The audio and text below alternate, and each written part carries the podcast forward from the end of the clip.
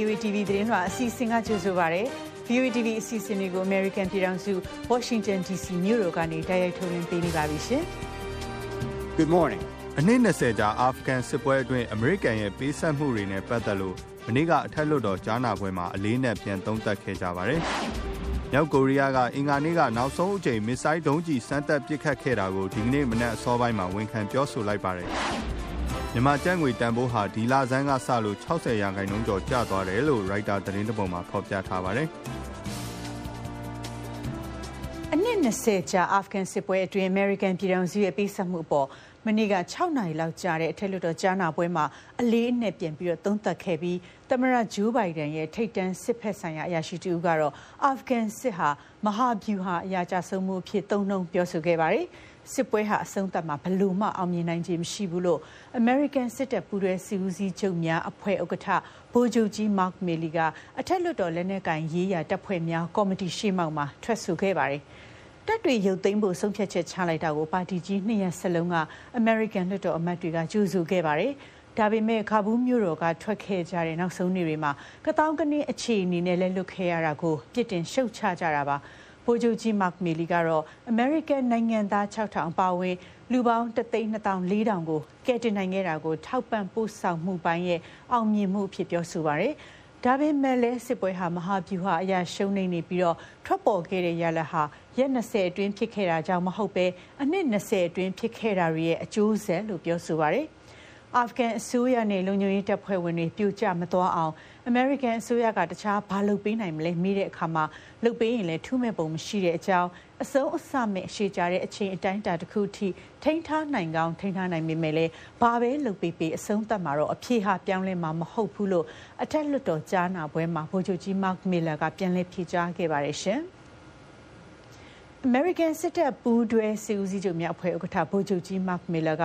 သမရဟောင်းဒေါ်နယ်ထရမ့်တာဝန်ပြီးဆုံးကန်ဒီအချိန်လောက်တုန်းကသူတရုတ်နိုင်ငံကစစ်တပ်အကြီးအကဲနဲ့တယ်လီဖုန်းဆက်သွယ်ပြောဆိုခဲ့ရတဲ့ပတ်သက်ပြီးတော့မနေ့ကအထက်လွှတ်တော်ကြားနာပွဲမှာခုခံပြောဆိုခဲ့ပါတယ်။ပြီးခဲ့တဲ့နှစ်အောက်တိုဘာ30နဲ့ဇန်နဝါရီ10ရက်နေ့တွေမှာတရုတ်စစ်တပ်အကြီးအကဲဗိုလ်ချုပ်ကြီးလီဇောက်ချန်းစီကိုဖုန်းဆက်ပြီးတော့ American ပြည်ထောင်စုအနေနဲ့တရုတ်နိုင်ငံကိုတိုက်ခိုက်မှာမဟုတ်တဲ့အကြောင်းနဲ့အေးအေးဆေးဆေးနေဖို့အခြေအနေဟာပုံမှန်ဆိုတာကိုဗိုလ်ချုပ်ကြီး Mark Milley ကဆက်သွယ်ပြောဆိုခဲ့ပါတယ်။ ဒီလိုပြောဆိုခဲ့တာကြောင့်စစ်တပ်ဟာအရက်ဖဲအုပ်ချုပ်ရေးအောက်မှာရှိရမယ်ဆိုတော့ American ပြည်ထောင်စုရဲ့တမိုင်းတလျှောက်ရှိခဲ့တဲ့အစဉ်အလာကိုချိုးဖောက်တယ်ဆိုပြီးတော့ Republican အမတ်တချို့ကဝေဖန်တယ်လို့ဗိုလ်ချုပ်ကြီး Mark Milley ကိုယာဒုကထုတ်ဖို့သမရဂျိုးဘိုင်ဒန်ကိုတောင်းဆိုနေတာပါ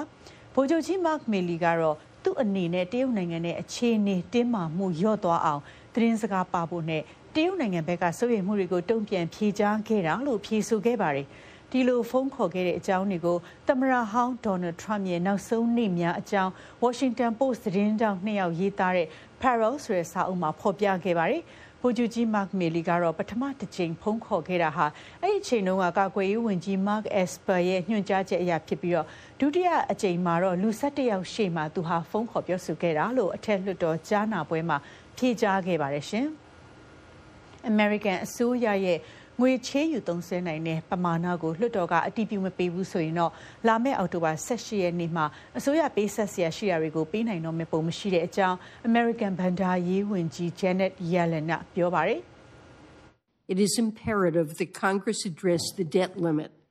If not, our current estimate is the treasury will likely အစိုးရငွေချေးယူသုံးစွဲနိုင်တဲ့ပမာဏကိုလွှတ်တော်ကအရေးယူဖြည့်ရှင်းဖို့ဖြည့်ရှင်းပေးဖို့တိတ်ကိုအရေးကြီးတဲ့အကြောင်းနဲ့မဟုတ်ရင်တော့ဗန္နာရေးအခြေအနေပုံမှန်ဆက်သွားလို့ရတော့မှာမဟုတ်တဲ့အကြောင်းအကန့်အသတ်နဲ့လည်းပတ်ရမှာဖြစ်ပြီးချက်ချင်းဆိုသလိုအသုံးစည်းကုန်ခန်းသွားမယ့်အကြောင်းဗန္နာရေးဝန်ကြီးယယ်လနာကွန်ဂရက်လွှတ်တော်ခေါင်းဆောင်တွေကိုမနေ့ကပြောဆိုပါတယ်အထက်လွှတ်တော်ဒီမိုကရက်ခေါင်းဆောင်ချက်ရှူမာကတော့ တခြားဥပဒေချမ်းတွေလိုအတီးပြုဖို့အ ਨੇ ဆုံးမဲ60လိုအပ်တဲ့မဲခွဲတာမျိုးမဟုတ်ဘဲ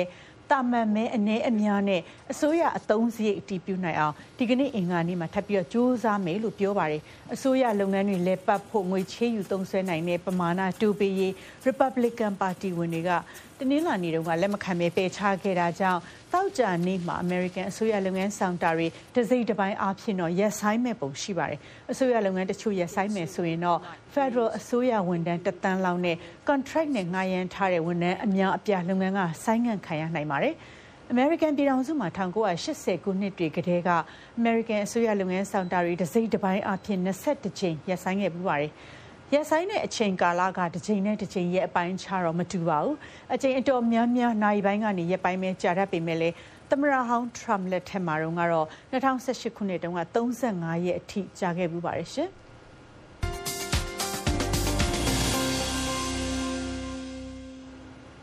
မြောက်ကိုရီးယားကအင်္ဂါနေ့ကနောက်ဆုံးအကြိမ်မစ်ဇိုင်းဒုံးကျည်စမ်းသပ်ပစ်ခတ်ခဲ့တာကိုဒီကနေ့ဗုဒ္ဓဟူးနေ့မနေ့အစောပိုင်းမှာဝန်ခံပြောဆိုပါတယ်။ ဒီကိစ္စနဲ့ပတ်သက်ပြီးတော့တောင်ကိုရီးယားကသတင်းထုတ်ပြန်ပြီးနောက်တရက်မှာအခုလိုမြောက်ကိုရီးယားအစိုးရပိုင်သတင်းတွေကဖော်ပြတာပါ။စမ်းသပ်လိုက်တဲ့မစ်ဇိုင်းဒုံးကျည်တွေဟာအတန်ထက်မြန်ပြီးနောက်ဆုံးတီထွင်လိုက်တဲ့မစ်ဇိုင်းဒုံးတွေလို့မြောက်ကိုရီးယားအစိုးရပိုင်ကိုရီးယား KCNA သတင်းဌာနနဲ့လုံသမားနေစဉ်သတင်းစာတွေကရေးသားပါတယ်။ဒီလိုစမ်းသပ်နိုင်အောင်ဦးစားပေးလှုပ်ဆောင်ဖို့ပြီးခဲ့တဲ့ဇန်နဝါရီလမြောက်ကိုရီးယားအလုပ်သမားပါတီကွန်ဂရက်မှာကင်ဂျုံအွန်ကိုတိုင်ညွှန်ကြားခဲ့တယ်လို့လည်းရေးသားထားပါတယ်။ တရုတ်နဲ့နေဆက်ဝေးလန်နဲ့ဂျာဂန်ပြည်နယ်တွေကနေပြီးတော့မစ်ဇိုင်းဒုံးကျည်စမ်းသပ်ပစ်ခတ်တာကိုကင်ဂျုံအွန်ကိုတိုင်စောင့်ကြည့်နေတာကိုတော့တရားဝင်သတင်းတွေကဖော်ပြမထားပါဘူး။အခုမစ်ဇိုင်းဒုံးကျည်ပစ်ခတ်တာဟာမြောက်ကိုရီးယားကဒီလအတွင်းမှာတတိယအကြိမ်ဖြစ်ပါတယ်။တောင်ကိုရီးယားနဲ့ကြိုတင်သတ်မှတ်ချက်တွေချမှတ်ဆွေးနွေးဖို့မြောက်ကိုရီးယားဘက်ကကန့်လန့်ပြီးတော့၃ရက်အကြာမှာနောက်ထပ်အခုလိုပြစ်ခတ်စမ်းသပ်တာဖြစ်ပါတယ်။ ကာကွယ်ရေးဆိုင်ရာကျွမ်းကျင်သူတွေကတော့မြောက်ကိုရီးယားဘက်ကအတန်ထက်မြန်နေဆိုတဲ့မစ်ဇိုင်းဒုံးစမ်းသပ်ပစ်ခတ်တာဟာအရှေ့မြောက်အာရှနဲ့အမေရိကန်ပြည်ထောင်စုအတွင်းကအမေရိကန်ဒုံးကာကွယ်ရေးစနစ်တွေကိုရှောင်ပြီးတော့ကျော်လွှားနိုင်ဖို့စ조사နေတယ်ဆိုတာထင်ရှားတယ်လို့သုံးသပ်ပြောဆိုပါတယ်ရှင်။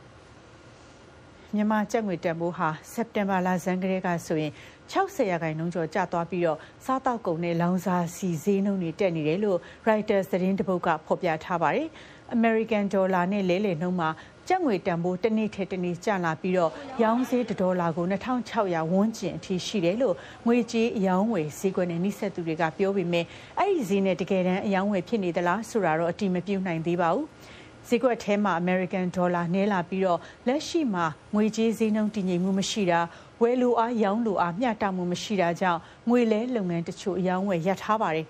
ဆီယနာသိန်းနာရှစ်လကြာလာတဲ့အထိဒေသတချို့မှာဆီယနာသိန်းမှုကိုစန့်ကျင်ကန့်ကွက်သူတွေကလက်နက်ကင်တက်ခိုက်တာတွေရှိနေပြီးတော့တစ်ချိန်တည်းမှာပဲငွေကြေးဈေးကွက်နဲ့စီးပွားရေးတစ်ခုလုံးလည်းရင်းရိုင်နေပါတယ်စီးပွားရေးကျဆင်းတာကနေစားတောက်ကုန်ဈေးနှုန်းတွေတက်လာပြီးတော့မြန်မာလူထု3တန်းပတ်ဝန်းကျင်ဟာလူသားစာနာမှုအကူအညီလိုအပ်နေတယ်လို့လူသားစာနာမှုလုပ်ငန်းများညှိနှိုင်းရေးဆိုင်ရာကုလသမဂ္ဂယုံကဒီသတင်းပတ်ထဲမှာပြောပါရယ်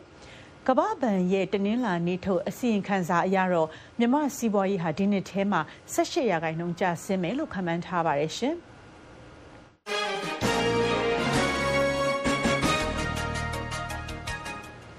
မြန်မာနိုင်ငံမှာကိုဗစ်ကပ်ရောဂါနောက်ဆက်တွဲဆင်းရဲဒုက္ခရောက်တဲ့သူတွေပိုပြီးတော့များလာနိုင်တယ်လို့လာမယ့်လတွေမှာစူးစူးဝါးဝါစားနပ်ရိက္ခာပြက်လက်မှုတွေနဲ့ကြုံတွေ့လာရနိုင်တယ်လို့ကုလသမဂ္ဂစားနပ်ရိက္ခာအစီအစဉ် WFP ကပြောပါတယ်။ ကပ်ရောဂါကြောင့်လူမှုအတိုင်းဝိုင်းအတွင်းဖိအားတွေတစားတစားများလာမှာကိုစိုးရိမ်ပူပန်တဲ့အကြောင်းလဲ WFP ဌာနေဒါရိုက်တာ Stephen Anderson ကဗုဒ္ဓဟူးနေ့က Bloomberg ရုပ်သံမီးမြန်းခန်းမှာပြောဆိုပါတယ်။ကယောဂရိုက်ခတ်မှုကြောင့်အစောပိုင်းကလေးကအိမ်အောင်စု80ရာခိုင်နှုန်းလောက်သူတို့ဝင်ငွေတဝက်လောက်ရောကျနေခဲ့ပြီးတော့ February 10ရက်နေ့ဆီယနာတင်လိုက်တာကြောင့်ပို့ပြီးတော့ခက်ခဲတဲ့အခြေအနေတွေနဲ့ရင်ဆိုင်နေရတယ်လို့ဌာနေဒါရိုက်တာ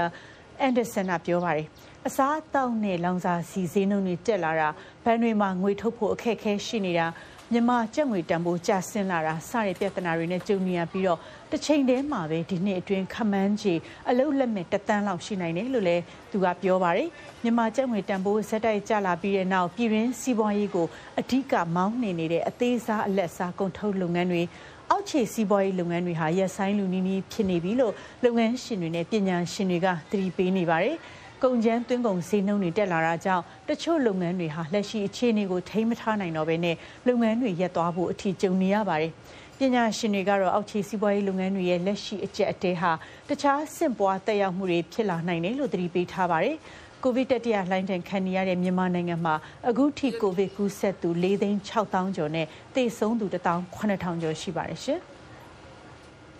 ဂျပန်အာဏာရပါတီကဖူမီယိုကူရှီဒါကိုပါတီခေါင်းဆောင်ဖြစ်ဗုဒ္ဓဟူးနေ့ကတင်မြှောက်လိုက်တဲ့အတွက်ဝန်ကြီးချုပ်နေရာဆက်ခံနိုင်ဖို့ကူရှီဒါအတွက်နောက်တစ်ဆင့်နှိဆက်သွားပြီဖြစ်ပါတယ်။ Liberal Democratic Party ခေါင်းဆောင်ဒုတိယအသုတ်ရွေးပွဲမှာနိုင်ငံခြားရေးဝန်ကြီးဟောင်းကူရှိတာကပြိုင်ဘက်တာရိုခိုနိုကို256မဲ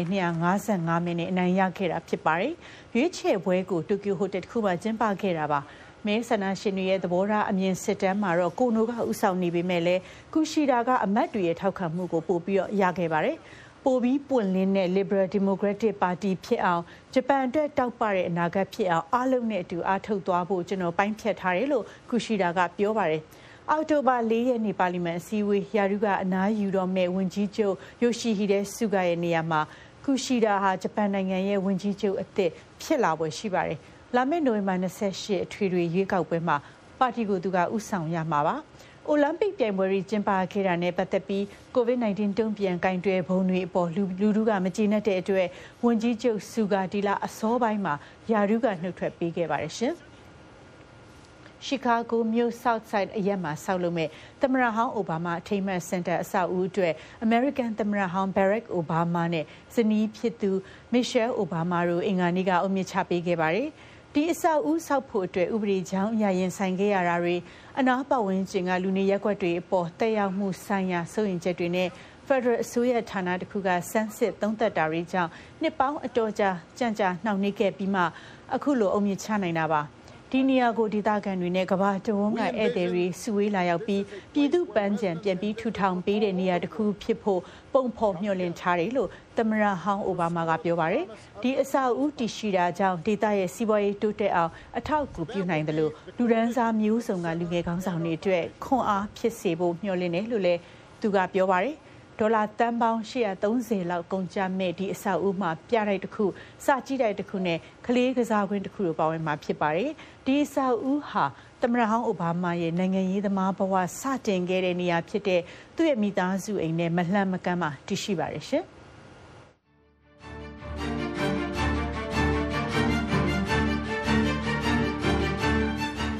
ဆက်လက်ပြီးတော့သတင်းဆောင်မတွေကိုတင်ပြပေးသွားပါမယ်ရှင်။ American သမ္မတဂျိုးဘိုင်ဒန်ရဲ့နိုင်ငံခြားရေးမူဝါဒအပေါ်မှာဖိအားတွေတိုးလာတာကြောင့် American နိုင်ငံခြားရေးဝန်ကြီးအန်တိုနီဘလင်ကန်ဟာဒီအပေါ်မှာခုခံကာကွယ်နေရပါတယ်။ American နယ်စပ်ကဟေတီရွှေ့ပြောင်းအခြေချတွေရဲ့အရေးအာဖဂန်က American တပ်တွေရုပ်သိမ်းတာနဲ့ Australia နဲ့ချုပ်ဆိုတဲ့ nuclear ရေငုပ်သင်္ဘောအရေးဒါတွေကိုရင်ဆိုင်နေရပါတယ်။ VOA သတင်းတောက် Cindy Saint သတင်းပေးပို့ထားတာကိုကိုငင်းညံကပြောပြပေးပါရှင်။ ပြီးခဲ့တဲ့အပတ်အတွင်း ကုလသမဂ္ဂ အထွေထွေညီလာခံမှာ အမေရိကန်သမ္မတ ဂျိုးဘိုင်ဒန်က ကမ္ဘာကြီးဟာ အပြောင်းလဲနေရာကို ရောက်နေပြီလို့ မိန့်ခွန်းပြောခဲ့ပါတယ်။အဆက်မပြတ် စစ်ပွဲတွေ တိုက်တဲ့ခေတ်ကနေ အဆက်မပြတ်တန်တမန်ဆက်ဆံရေးခေတ်ကို ရောက်ပြီလို့ ကတိပြုခဲ့ပြီးတော့ အမေရိကန်အနေနဲ့ နိုင်ငံစုံအဖွဲ့အစည်းဖြစ်တဲ့ ကုလသမဂ္ဂကို အလေးနက်ထားတယ်လို့ ပြောပါတယ်။ဒါပေမဲ့လည်းလက်တလော အာဖဂန်ကနေ အမေရိကန် အလောတကြီး ထွက်ခွာခဲ့ရပြီး အမေရိကန်ကိုကူညီခဲ့တဲ့မရေတွက်နိုင်တဲ့အာဖဂန်တွေကိုထားခဲ့ရတာဟာဒီသတင်းပတ်တွေအတွင်းသမ္မတဘိုင်ဒန်အစိုးရကြုံခဲ့ရတဲ့နိုင်ငံခြားရေးမူဝါဒစိန်ခေါ်မှုတွေတဲကတစ်ခုဖြစ်ပါတယ်။ကုလသမဂ္ဂမှာလည်းဘိုင်ဒန်ရဲ့နိုင်ငံခြားရေးမူဝါဒစိန်ခေါ်မှုတွေအပေါ်ပြင်းပြင်းထန်ထန်မေးခွန်းထုတ်တာကိုနိုင်ငံခြားရေးဝန်ကြီးအန်တိုနီဘလင်ကန်တယောက်ကြုံခဲ့ရပါတယ်။ ဘိုင်ဒန်ရဲ့နိုင်ငံခြားရေးရည်မှန်းချက်အပေါ်ကျေးဇူးတင်တဲ့အကြောင်းသူနဲ့ကုလသမဂ္ဂမှာတွေ့တဲ့လူတိုင်းကပြောတယ်လို့ဘလန်ကန်ကပြောပါတယ်။ United States that is determined အမေရိကန်ပြည်ထောင်စုကတခြားနိုင်ငံတွေနဲ့အနီးကပ်လှုပ်လှုပ်ဖို့တန်ထိတ်တန်ချထားပါတယ်။ကျွန်တော်တို့ပြည်သူတွေရင်ဆိုင်နေရတဲ့ပြဿနာကြီးတွေစိန်ခေါ်မှုကြီးတွေဖြစ်တဲ့ကိုဗစ်ကနေရာသီဥတုပြောင်းလဲမှုနဲ့ဤပညာအသေးရဲ့တရားမှုတွေဟာတယောက်တည်းတနိုင်ငံတည်းကရင်ဆိုင်ဖြေရှင်းလို့ရတာမဟုတ်ဘူးလို့နားလည်ထားပါတယ် ဒါပေမဲ့လည်း ဘိုင်ဒန်အစိုးရအနေနဲ့ ပြင်သစ်ကို ဒေါသထွက်စေခဲ့တာလို့နိုင်ငံခြားရေးမူဝါဒ ပြဿနာတချို့ ရှိခဲ့တာကိုတော့ ကျွမ်းကျင်သူအများစုက သဘောတူပါတယ်။ Center for American Progress အဖွဲ့က လေ့လာသူ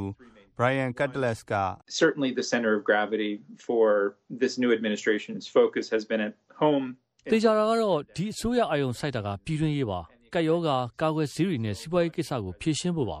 သမရရဲ့ကိုပိုင်ချင်းတွေဟာ ကုလသမဂ္ဂမှာ မိကွန်းပြောနေပေမဲ့လည်း ဒီတစ်ပတ်အတွင်းမှာ အချင်းတော်များများမှာ လွှတ်တော်နဲ့ တိုင်ပင်ပြီးတော့အခြေခံအဆောက်အုံကိစ္စ လူမှုဖူလုံရေးကိစ္စတွေကို သူ့ဘက်ပေါအောင်လို့ဆွေးနွေးဖို့ရှိပါတယ်။ပြည်တွင်းရေးပြဿနာတွေကို အာယုံစိုက်အားထည့်ထားရတာကြောင့် တခါတလေမှာ နိုင်ငံခြားရေးမူဝါဒဖော်ဆောင်ရမှာ ထိခိုက်စေတယ်လို့ Carnegie Endowment for International Peace က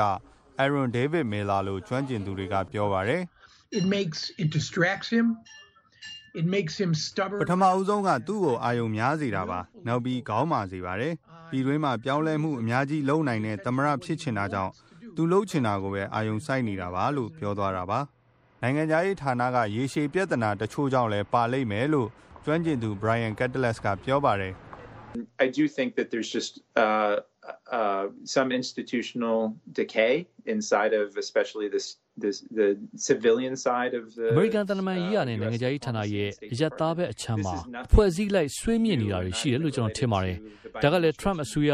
ဒါမှမဟုတ် Biden အစိုးရနဲ့မဆိုင်သလိုအသစ်ဆန်းလည်းမဟုတ်ပါဘူး။ဒါကလည်း9/11ပြီးကလေးကပန်တဂွန်နဲ့ထောက်လိုင်းအဖွဲ့အစည်းတွေရဲ့လွှမ်းမိုးမှုခံရတဲ့အဖွဲ့အစည်းတွေမှာဖြစ်နေတဲ့ရေရှည်ပြဿနာပါ။အမေရိကန်လွှတ်တော်လည်းအပြစ်မကင်းဘူးလို့ Atlantic Council က Christopher Kaluba က VOA ကို ပြောပါတယ် in the State Department within the Defense Department နိုင်ငံရေးဌာနနဲ့ကာကွယ်ရေးဌာနအတွင်းမှာကို Trump လက်ထက်ကလစ်ယူရှုထားတာတွေကနေ ပြန်လည်ပြင်ဆင်နေရပါတယ်။နောက်ပြီးဘလို့အကြောင်းကြောင့်တွေပဲဖြစ်ဖြစ် အကြီးတန်းယာထုတွေကို ခန့်ထားရမှာလဲကြန့်ကြာမှုတွေရှိနေပါတယ်။အစိုးရက လူနာမယ်စည်ရင်တင်သွင်းရမှာနေသလို လွတ်တော်ကလည်း အတိပြုဖို့ အရန်နှင်းနေပါတယ်။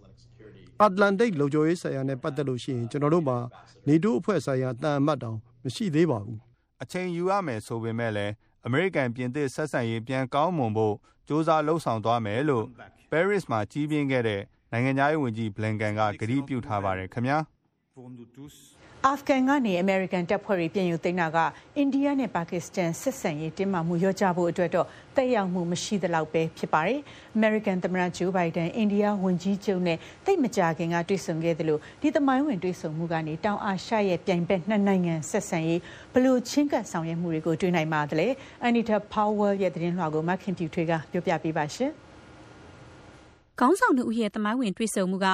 အမေရိကန်အိန္ဒိယဆက်ဆံရေးခေတ်သစ်တစ်ခုဦးတည်စေခဲ့ပါတယ်။ နှစ်နိုင်ငံဆက်ဆံရေးက ကမ္ဘာကြီးအကျိုးအတွက် မိဖက်ပူးပေါင်းမှုပါပဲလို့လည်း ပူးရဲကြီးညာချက်မှာ ဖော်ပြခဲ့ကြပါတယ်။ဝါဒီမိုကရေစီအင်အားအကြီးဆုံးနိုင်ငံကြီးတွေဖြစ်ကြတဲ့ အိန္ဒိယနဲ့ အမေရိကန်ဆက်ဆံရေးက ပိုပြီး ခိုင်မာရင်းနှီးနှွေးထွေးတဲ့ ဆက်ဆံရေးဖြစ်ဖို့ဥတည်နေပါတယ်။ကမ္ဘာကြီးတစ်ခုလုံးအတွက် အကျိုးဖြစ်စေလိမ့်မယ်လို့ ယူဆပါတယ်။ဒါပေမဲ့ အာဖဂန်ရေးနဲ့ပတ်သက်ပြီးတော့အမေရိကန်နဲ့ ဆက်ဆံရေး ထိခိုက်နေတဲ့ အိန္ဒိယရဲ့ရန်ဘက်ပါကစ္စတန်နိုင်ငံနဲ့ဆက်ဆံရေးကရောဘယ်လိုရှိနေပါလဲ။အာဖဂန်နစ္စတန်ကနေအမေရိကန်တပ်ဖွဲ့တွေရုပ်သိမ်းပြီးတဲ့နောက်ပြီးခဲ့တဲ့သတင်းပတ်တွေအတွင်းတာလီဘန်အစိုးရတဲ့လက်အောက်ကနေလွတ်မြောက်ဖို့ကြိုးစားကြတဲ့အာဖဂန်တွေထောင်နဲ့ချီပါကစ္စတန်နိုင်ငံထဲထွက်ပြေးတိမ်းရှောင်ခဲ့ကြပါတယ်။အိန္ဒိယဝန်ကြီးချုပ်မိုဒီနဲ့အမေရိကန်သမ္မတဂျိုးဘိုင်ဒန်တို့တွေ့ဆုံခဲ့ကြတဲ့တောက်ကြနေ့မှာပဲကုလသမဂ္ဂအထွေထွေညီလာခံမှာမိန့်ခွန်းပြောကြားခဲ့တဲ့ပါကစ္စတန်ခေါင်းဆောင်ကတော့ အမေရိကန်ဟာ အနှစ်20ကြာ အာဖဂန်ပြည်ပခအတွင်း ပါကစ္စတန်ကို ရန်ရှာနေခဲ့တယ်လို့ဆွဆွဲပြောဆိုပြီး နှစ်နိုင်ငံဆက်ဆံရေးနဲ့ ပတ်သက်လို့မိန့်ခွန်းထုတ်ခဲ့ပါတယ် အမေရိကန်တွေကို ဘာသာပြန်လုပ်ပေးခဲ့တဲ့သူတွေ၊ကူညီသူတွေအားလုံးကို ကူညီဆောင်ရှောက်ဖို့ သူတို့အတွက် စိုးရိမ်ကြောင်း ပြောဆိုတာတွေ အများကြီးရှိပါတယ်။ဒါပေမဲ့ ကျွန်တော်တို့ကြတော့ရော အာဖဂန်စစ်ပွဲမှာ အမေရိကန်နဲ့ မဟာမိတ်လုပ်ခဲ့လို့ အခု ကျွန်တော်တို့ အများကြီး ဒုက္ခရောက်နေရတာလေ။ ခုလိုပြောဆိုမှုမျိုးက အမေရိကန်ပါကစ္စတန် ဆက်ဆံရေးကိုရော အိန္ဒိယပါကစ္စတန် ဆက်ဆံရေးမှာပါ တင်းမာမှုတွေ ပိုပြီးတော့ဖြစ်လာစေနိုင်တယ်လို့ သုံးသပ်သူတချို့က ပြောပါတယ်။ Biden အစိုးရအနေနဲ့ ပါကစ္စတန်နဲ့ပတ်သက်လို့တီးမခံနိုင်တာကတော့ ရှင်းပါတယ်။ပါကစ္စတန်ခေါင်းဆောင်တွေဟာ အာဖဂန်ကိစ္စမှာ အမေရိကန်ရဲ့ မဟာမိတ်အဖြစ် ဟန်ပြလို့အမေရိကန်ရဲ့ ရန်သူတွေကို ကူညီထောက်ပံ့ပြီးတော့နှစ်ဖက်ခွ ကစားနေတယ်လို့ ယူဆလို့ပါပဲ။ပြီးခဲ့တဲ့သတင်းပတ်ထဲမှာပဲ သမ္မတဘိုင်ဒန်က တန်တမန်ရေး တွန်းတွန်းတိုက်တိုက်လှုပ်သွားမယ်လို့ ကတိပြုပြောခဲ့ပြီးတဲ့နောက် ပါကစ္စတန်နဲ့ အမေရိကန်ခေါင်းဆောင်တွေ တွေ့ဖို့ ရှိမရှိဆိုတာကို VOA ကမေးမြန်းရမှာအင်ဘီတော်ပြောခွင့်ရကအခုလိုဖြေပါတယ်။“နိုင်ငံခြားရေး ကာကွယ်ရေးနဲ့ တခြားအရေးပါတဲ့ဌာနတွေက ပါကစ္စတန်အစ်မြင့်ခေါင်းဆောင်တွေနဲ့ ကျမတို့ ဆက်သွယ် စကားပြောနေတာတွေ ရှိပါတယ်။အခုအချိန်မှာ သမရအနေနဲ့ နိုင်ငံတိုင်းက ခေါင်းဆောင်တိုင်းနဲ့တော့ တွေ့ဆုံစကားပြောနိုင်တာတော့ မရှိသေးပါဘူး။ဒါက အမှန်ပါပဲ။ ဒါပေမဲ့ သမရမှာ ကျွမ်းကျင်သူတွေပါတဲ့ အဖွဲ့ရှိပါတယ်။သူတို့က ဒီအတွက် ဆက်သွယ်ပြောဆိုနေတာတွေကို လုပ်နေပါတယ်။လေလာသုံးသက်သူတချို့ကတော့အစ်စ်မြေခေါင်းဆောင်တွေ တွေ့ဆုံမှုကနေလေထိရောက်တဲ့ တိုးတက်မှုတော့ရကြမှာရလိမ့်မယ်လို့ ပြောဆိုကြပါတယ်။ For the Biden administration having a call with uh, with Prime Minister Biden အစိုးရအတွက် ပါကစ္စတန်ဝန်ကြီးချုပ်ခံနဲ့ ဆက်သွယ်စကားပြောရုံနဲ့ ထိရောက်တဲ့ တိုးတက်မှု သိမရှိနိုင်ပါဘူး။ဒီလိုမြင်ရတဲ့အကြောင်းတစ်ခုက ဘိုင်ဒန်နဲ့ Cam အကြား ဆက်သွယ်စကားပြောတာ ကျွန်တော်တို့ မတွေ့ရသေးသလို ဒါက အမေရိကန်နဲ့ ပါကစ္စတန်နဲ့ဆက်ဆံရေး အတော့ကို အဆင်မပြေဘူးဆိုတာကို အချိန်တော်ကြာ ရှုမြင်ထားတာကြောင့်ပါ ဒါ့အပြင်အင်မရန်ခန်းနဲ့ဘိုင်ဒန်ဖုန်းဆက်စကားပြောလို့ ပါကစ္စတန်ကို ကျဉ်းသွားအောင် ဒါမှမဟုတ် အခွင့်ထူးပေးတာမျိုးဖြစ်မှာကိုလည်း အမေရိကန်ရရှိတွေက မလူလားကြဘူးလို့ ကျွန်တော်ထင်ပါတယ် ပါကစ္စတန်နိုင်ငံအတွက်ကတော့ အမေရိကန်က အိန္ဒိယနဲ့ ဆက်ဆံရေးတိစောက်တာကို ပုံစံတစ်မျိုးတည်းနဲ့ပဲ မြင်နိုင်တယ်လို့ Chatham House အဖွဲ့ကရှာအီကပြောပါတယ် ပါကစ္စတန်အတွက်ကဘလို့မှသိမခံနိုင်တဲ့ကိစ္စပါ အိန္ဒိယနဲ့ပိုနေတာက ပါကစ္စတန်ကိုဆန့်ကျင်တာဆိုတဲ့အတိတ်ပဲဖြစ်နေတာပါခေါင်းဆောင်တွေရဲ့တွေ့ဆုံမှုတွေကအိန္ဒိယအမေရိကန်နိုင်ငံဆက်ဆံရေးအတွက်မျက်နှာစာသစ်စတင်ရရောက်ပြီးပါကစ္စတန်နိုင်ငံနဲ့ကတော့ဘေးပန်းအဆင့်လောက်နဲ့ပဲစောင့်ကြည့်တဲ့အခြေအနေမျိုးဖြစ်နေတာပါရှင်။ VOA American တန်ကနေ့စဉ်တင်ဆက်ပေးနေတဲ့နောက်ဆုံးရကဘာနဲ့မြန်မာသတင်းတွေသတင်းဆောင်မတွေကိုအီးမေးလ်သတင်းလွှာဖြစ်တဲ့ VOA ပြည်သက်တွေစီကိုနေ့စဉ်အရောက်ပို့ပေးနေပါတယ်ရှင်။ အခုဆိုရင်ဒီအီးမေးလ်သတင်းလွှာကို Facebook စာမျက်နှာကနေပြီးတော့လွယ်လွယ်ကူကူတောင်းယူနိုင်ပါတယ်။ Facebook အသုံးပြုတဲ့သူတွေအနေနဲ့ VOA မြန်မာပိုင်း Facebook စာမျက်နှာမှာ sign up ဆိုတဲ့အပြာရောင်အတန်းလေးကိုနှိပ်လိုက်ရင်အလိုလျောက်ကျမတို့ရဲ့ internet ပင်မစာမျက်နှာပေါ်ကအီးမေးလ်သတင်းလွှာတောင်းယူနိုင်တဲ့နေရာကိုရောက်ရှိပါတယ်။ VOA မြန်မာပိုင်းပင်မစာမျက်နှာမှာဆိုရင်လည်းသတင်းတွေအောက်မှာဝန်ဆောင်မှုများဆိုတဲ့ခေါင်းစဉ်နဲ့နေ့စဉ်အီးမေးလ်သတင်းလွှာဆိုတဲ့စာသားလေးတွေ့ရင်တော့အဲ့ကနေပြီးတော့အီးမေးလ်သတင်းလွှာတောင်းယူနိုင်ပါတယ်။ နောက်တစ်နည်းကတော့ VOA မြန်မာအီးမေးလ်လိပ်စာ bambi@voanews.com ဒါမှမဟုတ်ရင်လည်း VOA မြန်မာ Facebook Messenger ကနေပြီးတော့ကိုယ့်ရဲ့အီးမေးလ်လိပ်စာကိုရေးပို့လိုက်ပါနော်။အီးမေးလ်လိပ်စာကိုတေချာမှတ်အောင်ရေးပို့ဖို့တော့လိုပါတယ်။နေ့စဉ်တစ်နေ့နှစ်ကြိမ်ပို့ပေးနေတဲ့အီးမေးလ်သတင်းတော်ကသတင်းကောင်းစင်တွေနဲ့သတင်းအချင်းချုပ်ကိုတစုတစည်းရရှိနိုင်အောင်လို့စီစဉ်ပေးထားပါတယ်။ VOA ပြည်သက်အတွက်သတင်းတွေကိုရေဒီယိုရုပ်မြင်သံကြားနဲ့အင်တာနက်တို့ကနေအရောက်ပို့ပေးနေပါတယ်ရှင်။ VOA TV သတင်းတော်အစီအစဉ်ကို Washington မြို့တော်ကနေတိုက်ရိုက်ထုတ်လွှင့်ပေးနေပါတယ်ရှင်။ဆက်ပြီးတော့တင်ပြပေးမယ်ဒီတစ်ပတ်အားကစားခန္ဓာမှာတော့ American ပြည်ထောင်စုမှာကျင်းပသွားတဲ့ Ryder ဖလားကောက်တီးပြိုင်ပွဲ Lever Cup Tennis ပြိုင်ပွဲနဲ့ Britain နိုင်ငံလန်ဒန်မြို့မှာထိုးသက်ခဲ့တဲ့ကမ္ဘာ Heavyweight လက်ဝှေ့ချန်ပီယံလူပွဲတွေအကြောင်းကိုကိုရန်နိုင်ကစူးစီးတင်ပြပေးထားပါတယ်ရှင်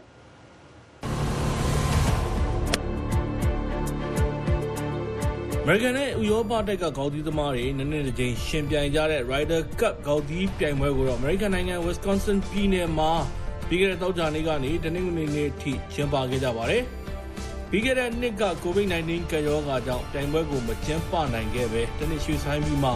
အခုနှစ်မှာကျင်းပခဲ့တာပါ။ပြင်သစ်နိုင်ငံမှာ2018တုန်းကပြီးခဲ့တဲ့ချိန်ကျင်းပတုန်းကတော့ဥရောပအသင်းကအနိုင်ရထားတာပါ။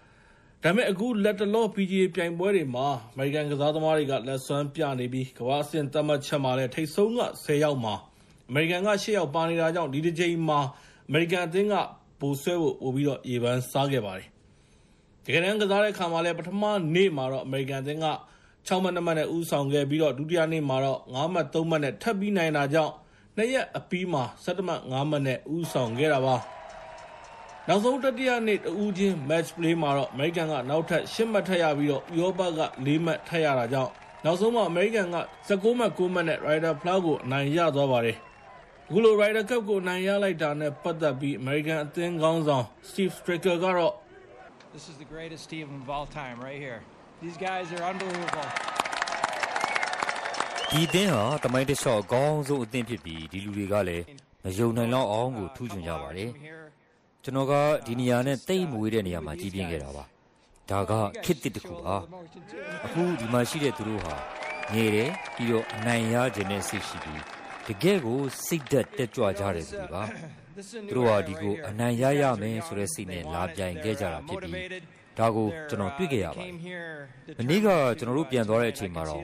ပွဲပြီးဖို့တရက်လူသေးတာကြောင့်သူတို့ဒီနေ့နိုင်အောင်ဆက်ကစားဖို့လူနေသေးတယ်။အဲ့ဒီအတွက်ပြင်ဆင်ထားကြတယ်ဆိုတာကိုတွေ့ခဲ့ရပါတယ်။ဆိုတော့ဒီကျွန်တော်တို့လူဒီလူတွေဟာတကယ်ကိုထူးကြပါတယ်။ Rider ဖလားကိုတော့နှစ်နှစ်တစ်ကြိမ်အမေရိကန်နဲ့ဥရောပမှာတလဲစီကျင်းပတာဖြစ်ပြီးလာမယ့်2023ခုနှစ်44ကြိမ်မြောက်ပြိုင်ပွဲကိုတော့ အီတလီနိုင်ငံရောမမြို့မှာကျင်းပသွားမှာဖြစ်ပါတယ်ခင်ဗျာဒီတစ်ပတ်အတွင်းနောက်ထပ်နိုင်ငံတကာအားကစားပြိုင်ပွဲတစ်ခုကတော့ Labour Cup Tennis ပြိုင်ပွဲဖြစ်ပါတယ် Labour Cup ပြိုင်ပွဲဆိုတာကတော့ဥရောပအသင်းနဲ့ဥရောပမဟုတ်တဲ့ကမ္ဘာတစ်ဝန်းက tennis ကစားသမားတွေပါဝင်တဲ့ဒီကမ္ဘာလက်ရွေးစင်အသင်းတို့ပြိုင်ကြတဲ့ tennis ပြိုင်ပွဲဖြစ်ပြီးတော့ခေါင်းသီးပြိုင်ပွဲဘက်က Ryder Cup ပြိုင်ပွဲနဲ့ဆင်တယ်လို့ပဲပြောမှာဖြစ်ပါတယ်။ အသင်းတစ်သင်းစီမှာ အရန်ကစားသမားတစ်ယောက်အပါအဝင် ကစားသမား9ယောက် ပါဝင်ပြီးတော့3ရက်ပြိုင်ကြတာပါ ပွဲစဉ်အဖြစ်တော့ တဦးချင်း9ပွဲ2ယောက်တွဲ3ပွဲ ပါဝင်ပြီးတော့တရက်ကို တဦးချင်း3ပွဲနဲ့2ယောက်တွဲပွဲတစ်ပွဲကစားကြတာပါ ပြိုင်ပွဲရဲ့ အမှတ်ပေးပုံကလည်း ပထမနေ့ပွဲစဉ်တွေမှာ နိုင်တဲ့သူတွေကတမှတ်ရပြီး ဒုတိယနေ့ပွဲစဉ်မှာ နိုင်တဲ့သူက2မှတ် တတိယနေ့ပွဲ နိုင်တဲ့သူကတော့3မှတ်ရတာ ဖြစ်ပါတယ် စုစုပေါင်း24မှတ်ရှိပြီးတော့ ပြိုင်ပွဲမှာ73မှတ် အရင်ရတဲ့အသင်းက အနိုင်ရတာဖြစ်ပါတယ် ဒီနေ့ပြိုင်ပွဲမှာတော့ ဥရောပအသင်းက ကမ္ဘာလက်ရွေးစင်အသင်းကို14မှတ်တမှတ်နဲ့ နိုင်ပြီးတော့ Lever Cup ဖလားကို၄ချိန်မြောက် ဗိုလ်ဆွဲသွားခဲ့ပါတယ် Lever Cup ပြိုင်ပွဲကို၄ချိန်မြောက် ဗိုလ်ဆွဲလိုက်တာနဲ့ ပတ်သက်ပြီး ဥရောပရဲ့ အသင်းကောင်းဆောင် Bjorn Borg ကတော့ For me personally it's uh, as a captain is uh, the most important week ကျွန်တော်တို့တော့အသင်းကောင်းဆောင်တယောက်အနေနဲ့ဒီသတင်းဘက်ကဒီနှစ်လုံးမှာရေးကြီးဆုံးသတင်းဘက်ပါဒါပေမဲ့ကျွန်တော်တို့အားလုံးချန်ပီယံဆုကိုကာကွယ်ဖို့အတွက်အခုလိုပါဝင်ခွင့်ရတာကိုဝမ်းသာကြတယ်လို့ထင်ပါတယ်ဒီလူ6စလုံးကကျွန်တော်ပြောသလိုပဲအနာဂတ်တင်းနစ်ကစားသမားတွေပါ6ယောက်မဟုတ်ပါဘူးတကယ်တော့9ယောက်ပါသူတို့မယုံနိုင်လောက်အောင်ကိုအကောင်းဆုံးကစားခဲ့ကြပါတယ် အသင်းလိုက်အနေနဲ့ပြောရရင်လည်းကျွန်တော်တို့အစွမ်းကုန်ကြိုးစားခဲ့ကြပါတယ် Lever Cup Tennis ပြိုင်ပွဲကိုတော့2019ကမှစတင်ကျင်းပခဲ့တာဖြစ်ပြီးကျင်းပခဲ့တဲ့၄ချိန်စလုံးကိုတော့ဥရောပကပဲပိုးဆွဲခဲ့တာဖြစ်ပါတယ်ခင်ဗျာ Heavyweight Championship of the World on the line လက်ဝဲပြိုင်ပွဲတွေဘက်မှာတော့ဒီတစ်ပတ်မှာကမ္ဘာ Heavyweight Champion လူပွဲကိုထိုးသက်ခဲ့ကြပြီးတော့ Britain ကကမ္ဘာ Heavyweight Champion Anthony Joshua နဲ့ Ukraine ကစိန်ခေါ်သူ Alexander Usyk တို့ ဗြိတိန်နိုင်ငံ လန်ဒန်မြို့မှာ စနေနေ့က ထိုးသက်ခဲ့ကြပါတယ်။ Anthony Joshua ကတော့ WBO, WBA, IBF နဲ့ IBO တို့ရဲ့ ရွှေကပတ် ၄ ခုကို ပိုင်ဆိုင်ထားပြီးတော့ဒါကြောင့် အတော်များများကလည်း ဒီပွဲမှာ သူပဲ အနိုင်ရလိမ့်မယ်လို့ ခန့်မှန်းခဲ့ကြပါတယ်။ဒါပေမဲ့ စနေနေ့က ထိုးသက်တဲ့ပွဲမှာတော့ နှစ်ယောက်စလုံးဟာ တယောက်နဲ့တယောက် ဘယ်သူမှ အလဲမထိုးနိုင်ခဲ့ပဲဇက်နချီအပြည့် ထိုးခဲ့ကြပြီးတော့နောက်ဆုံးမှာ Alexander Usyk ကအနိုင်ရသွားခဲ့ပါတယ်။ဒိုင် ၃ ယောက်စလုံးကတော့ Usyk ကို119 112 116 112 135 133မှတ်နဲ့ တညီတညွတ်ထက်အနိုင်ပေးလိုက်ကြပါတယ်။ဒါကြောင့် Anthony Joshua ဟာ သူ့ရဲ့ ချန်ပီယံရွှေကပတ် ၄ ခုစလုံးကို လက်လွတ်လိုက်ရပြီးတော့ Usyk ကတော့ ကမ္ဘာ heavyweight champion ဖြစ်လာခဲ့ပါတယ်။ဒီပွဲနဲ့ ပတ်သက်ပြီးတော့ Usyk ပြောတာကတော့ На данный момент это самый большой поединок в моей ခု карьере. ချိန်ထိတော့ဒီပွဲကကျွန်တော်ရဲ့လက်ဝဲသမားတက်တန်းတစ်လျှောက်မှာအကြီးဆုံးပွဲပါဒါပေမဲ့အခက်ခဲဆုံးပွဲတော့မဟုတ်ပါဘူးလန်ဒန်ကတော့ကျွန်တော်တို့ကံကောင်းတဲ့မြို့ပါဒါပေမဲ့လည်းကျွန်တော်ဘဝမှာအရေးကြီးဆုံးပွဲကတော့အိုလံပစ်ရွှေတံဆိပ်လုပ်တဲ့ပွဲဖြစ်ပြီးဂျေးစားလက်ဝဲသမားအဖြစ်နဲ့ထိုးတဲ့ပွဲဘယ်ပွဲကမှအဲ့ဒီပွဲထက်အရေးမကြီးပါဘူး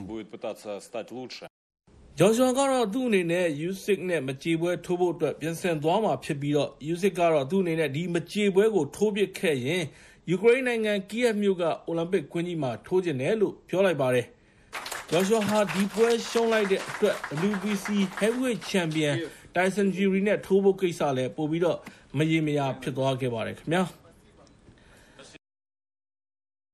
ဒီတစ်ပတ် Premier League ဘောလုံးပွဲတွေဘက်မှာတော့ Chelsea နဲ့ Manchester City တို့တွေ့ခဲ့ကြပြီး Man City ကတကိုးကိုမရှိနဲ့ နိုင်သွားတာကြောင့် Chelsea အသင်းဟာ ပထမဆုံး ရှုံးပွဲနဲ့ တွေ့သွားခဲ့ပါတယ်။ဒါပြင် Man U ကလည်း Aston Villa ကို အိမ်ကွင်းမှာတကိုးကိုမရှိနဲ့ ရှုံးပြီး ပြီးခဲ့တဲ့နှစ်က အောက်တန်းကနေ တက်လာခဲ့တဲ့ Brentford နဲ့ Liverpool တို့ရဲ့ ပွဲမှာတော့တစ်ဖက်3ဂိုးစီတည်ကျသွားခဲ့ပါတယ်။ Arsenal နဲ့ Spurs တို့ရဲ့ London မြောက်ပိုင်း Derby မှာတော့ Arsenal က Spurs ကို3ဂိုးတကိုးနဲ့ နိုင်သွားပါတယ်။ ဒါကြောင့်6ပွဲကစားပြီးတဲ့အချိန်မှာ Liverpool က14မှတ်နဲ့ဇယားထိပ်ကိုရောက်လာပြီးတော့ Man City, Chelsea, Man U, Everton တို့ကတော့